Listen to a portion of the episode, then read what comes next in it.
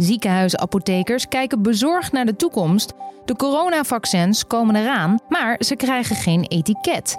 En daarom moet er nu al wel worden nagedacht over een registratiesysteem. Dit wordt het nieuws. We gaan meerdere vaccins op de markt krijgen. Iemand komt voor een tweede vaccin, dan wil je toch wel even weten dat hij inderdaad hetzelfde vaccin krijgt. Want krijgt hij een ander vaccin, dan werkt het niet goed. Alleen op de doos komt een sticker, maar niet op de flesjes zelf dat ten behoeve van de snelheid. Maar laten we kijken naar de mogelijke gevolgen daarvan na alle vaccinaties. Dat zo met Challing van der Schors, ziekenhuisapotheker en voorzitter van de Nederlandse Vereniging van Ziekenhuisapothekers. Maar eerst kort het belangrijkste nieuws van nu. Mijn naam is Esme Dirks. Het is vandaag 10 december en dit is de Dit wordt het nieuws middagpodcast. De Europese Commissie presenteert een noodplan, want het betwijfelt of er op tijd een Brexit-akkoord zal zijn. Gisteravond sprak de Britse premier Boris Johnson met de voorzitter van de commissie. En toen kwam er nog geen witte rook uit de schoorsteen. De deadline verloopt al op 1 januari. En daarom wil de EU voorbereid zijn op alle scenario's. Het noodplan moet er in elk geval voor zorgen dat wederzijds lucht- en wegverkeer mogelijk blijft en ook dat vissers toegang houden tot elkaars wateren. Bij het RIVM zijn 8.793 nieuwe positieve tests gemeld. En dat zijn er 2000 meer dan gemiddeld. Het is al de negende dag op rij dat er meer besmettingen worden gemeld dan een week geleden. De afgelopen negen weken overleden er in totaal 3900 mensen meer dan gemiddeld per jaar. Hoeveel hiervan aan corona overleden, ja, dat moet nog onderzocht worden. D66 opent een onderzoek naar seksuele intimidatie en grensoverschrijdend gedrag van een lid binnen de partij. Om wie het gaat is niet bekend, alleen dat het gaat om een invloedrijke man. Een eh, vrouw stuurde een anoniem bericht waarin ze hem beschuldigde. Ze schrijft dat de man zich aan haar opdrong en dat ze het met haar ambities wel kon vergeten binnen de partij toen ze weigerde. Ook uh, zouden Kamerleden en oud-partijleiders zich volgens de klokkenluidster schuldig hebben gemaakt aan MeToo-praktijken. Drillrap leidt maar weinig tot geweld. Dat blijkt uit een Rotterdams onderzoek. In de meeste gevallen blijft het gewoon bij muziek en online communicatie. De gemeente gaf eh, opdracht tot het onderzoek toen een toename bleek van het aantal geweldsincidenten onder jongeren. En volgens de onderzoekers was in de stad alleen de steekpartij in Scheveningen direct te linken aan de drillrap scene. Al zijn de stikstofplannen sinds woensdagavond ambitieuzer dan ze waren. Milieuclub MOB geeft niet op. Minister Carola Schouten die eh, mikt nu dan wel op een halvering van de stikstofuitstoot in 2035. Maar dat vindt de organisatie maar slappe hap.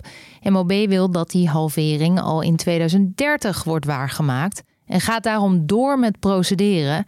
Nou, wie weet is dat met succes, want uh, eerder werd het Nederlandse stikstofbeleid afgekeurd door de Raad van State na een uh, rechtszaak van de Milieuclub. En dan het gesprek van deze dag. In uh, Groot-Brittannië kreeg een vrouw deze week bijwerkingen nadat ze gevaccineerd werd. Ja, stel je voor dat je dan niet kunt achterhalen welk vaccin zij gekregen heeft. Voor eh, ziekenhuisapothekers is dat een doemscenario, maar wel een die hier in Europa werkelijkheid zou kunnen worden. Want op het flesje van jouw coronavaccin komt geen scancode te staan. En daarom roepen ziekenhuisapothekers op om met spoed na te denken over een registratiesysteem. Ziekenhuisapotheker Challing van der Schors, die ook bestuurslid is van de European Association of Hospital Pharmacists, die legt uit waarom dat essentieel is. Nou, dat is omdat uh, je in zo'n doos uh, veel eh, flacons hebt zitten. En die flacons die worden natuurlijk verspreid over verschillende distributiepunten, toedienpunten. En wat belangrijk is, dat is dat je bij de patiënt gewoon vastlegt wat deze heeft gekregen. Ik noem nu patiënt, maar het zijn natuurlijk meestal gezonde mensen gelukkig. Uh, maar dat je dus vastlegt wat die eh, persoon dus gekregen heeft.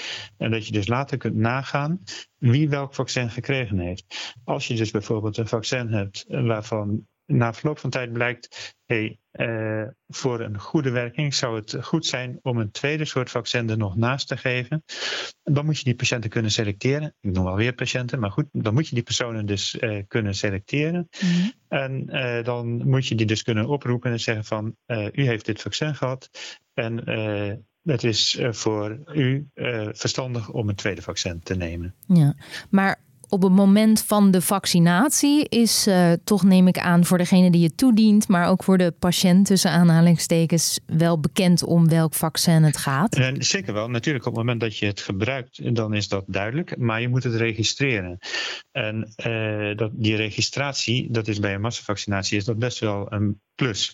Want wat je natuurlijk wilt registreren, dat is niet alleen maar het type vaccin, maar ook zeg maar uit welke charge, uit welke badge hij uh, komt. Uh, dan is het goed om als iemand bijvoorbeeld eens een keer terugkomt met een bijwerking, om dan te kunnen traceren van hé, hey, dat is een middel en dat is uit die badge gekomen en we hebben nu inmiddels drie personen gezien die die bijwerking uit die badge heeft gehad. Is er dan zoveel verschil tussen de ene en de andere badge? in principe horen ze gewoon helemaal gelijk te zijn, maar omdat het toch om producten gaat die zeg maar over een periode ge, gemaakt worden, dan kan er toch een variatie zijn tussen die verschillende batches. Oké, okay, en stel ik laat me inenten, zou ik dan op dat moment kunnen vragen: mag ik even de gegevens noteren? Ja, zeker. En kijk, ik zeg ook niet dat er niet gewerkt wordt aan een registratiesysteem, dat wordt er wel zeker.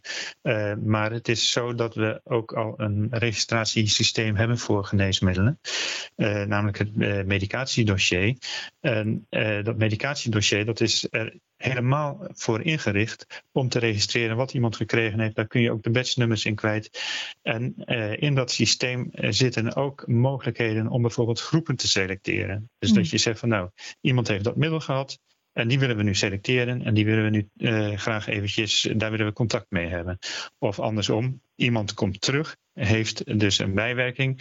En dan kun je in dat dossier kijken, hey, oh ja, die heeft dat middel gehad. En uh, dat hoeft hij dus niet op een kaart mee uh, te hebben. Dus je kunt het op een kaart doen, maar ja, de praktijk is dat uh, de persoon die dan terugkomt niet altijd die kaart bij zich heeft. Dus die traceerbaarheid is veel lastiger. Ja, dus daarom is het belangrijk om het centraal te doen. Maar hier zal het RIVM zelf toch ook wel over na gedacht? Uh, dat weet ik niet. Ik denk dat dat uh, aan het RIVM is om uh, aan te geven op welke manier zij denken dat die registratie plaats moet vinden. Maar nogmaals, mijn punt is dat ik denk dat het goed is om gebruik te maken van het bestaande systeem. Uh, dus ook vanwege dus dat je daarin ook nog eens een keer de gegevens kunt overdragen. En uh, daar is die hele discussie van die uh, vertrouwelijkheid van de gegevens, die is daar overal gevoerd. Dus daar hoef je niet opnieuw die discussie over aan te gaan. Want daar is, zijn uitgebreide veiligheidsmaatregelen, zodat die persoonsgegevens die daar ook in zitten, dat die niet zomaar bij iedereen terecht kunnen komen. Mm-hmm. en daar is, daar is ook een vrij strenge controle op.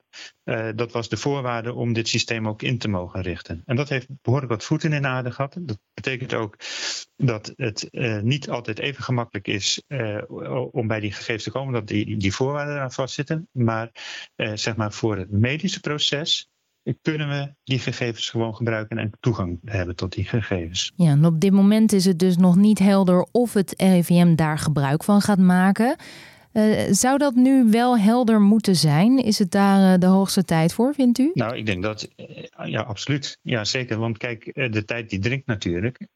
zoiets moet klaar zijn voordat je ermee begint.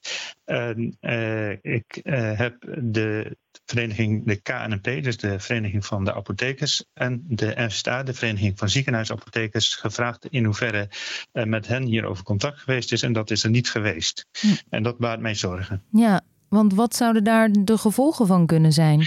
Nou, kijk, uh, dat uh, er uh, losse systemen ingericht worden. je hebt natuurlijk verschillende groepen die gaan vaccineren. Althans, dat is het voornemen. Het is het voornemen dat huisartsen gaan vaccineren, dat arboartsen gaan vaccineren en dat de GGD gaat vaccineren.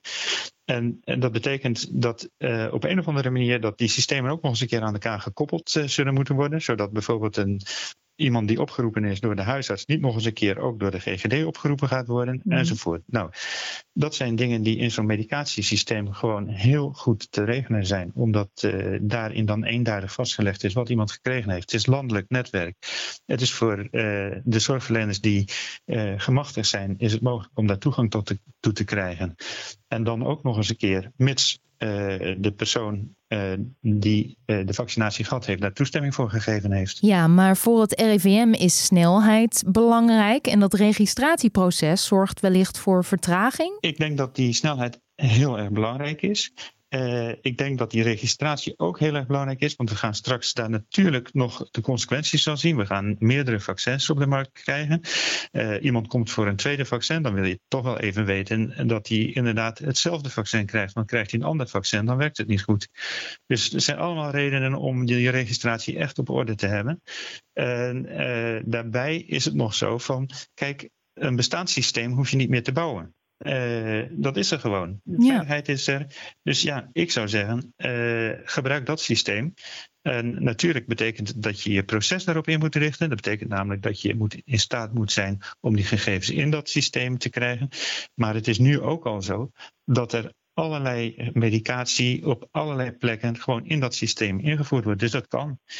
En een bijkomend punt is dan weer, en dat is dat punt van die flacons met die scanbare code, om op eenduidige en eenvoudige wijze uh, zo'n zo uh, toediening vast te leggen, is het handig als zo'n flacon zo'n scanbare code heeft. Daar kan je namelijk het charge-nummer in zetten, het batch-nummer en de identiteit van het middel, zodat je daar geen omkijken naar hebt en ook geen fouten mee kunt maken en ook dat het geen extra tijd kost. Ja, en wie is er eigenlijk aansprakelijk als er iets misgaat? Uh, nou, ik denk dat uh, degene die uiteindelijk de toedieningen uh, regelt, die uiteindelijk verantwoordelijk is voor de registratie daarvan, dat die uiteraard ook aansprakelijk zal zijn voor de consequenties van de keuzes die gemaakt zijn. En als ik het goed begrijp, is het nu zo dat het RIVM degene is die het ontwerp in beheer heeft. Oké, okay, dus dan is uw advies aan het RIVM: maak nou alsjeblieft gebruik van het systeem dat we al hebben. Ja. Zou u ook zeggen, zolang er nog geen plan ligt voor die patiëntregistratie, uh, afremmen? Want uh, de risico's wegen niet op tegen de voordelen van het snel vaccineren? Uh, nou, kijk, ik denk dat uh,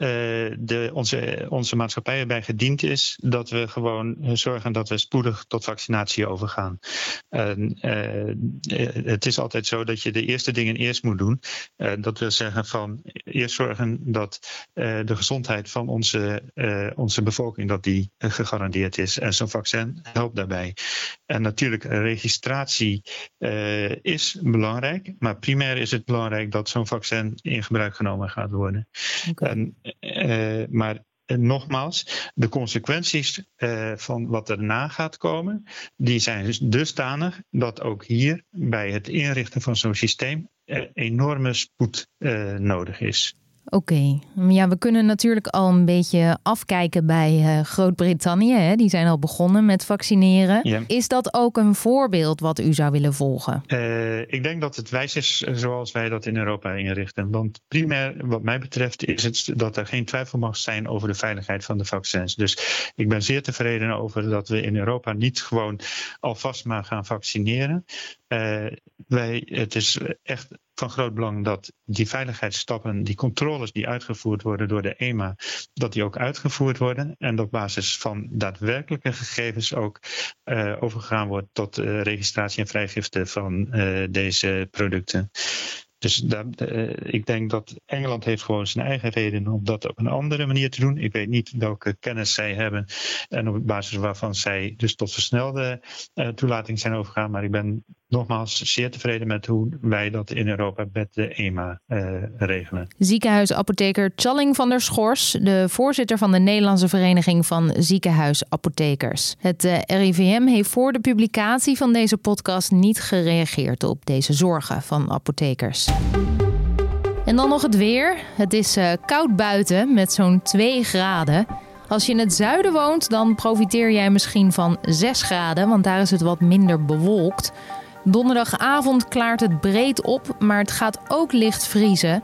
De vrijdagochtend begint bewolkt en later op de dag wordt het dan regenachtig.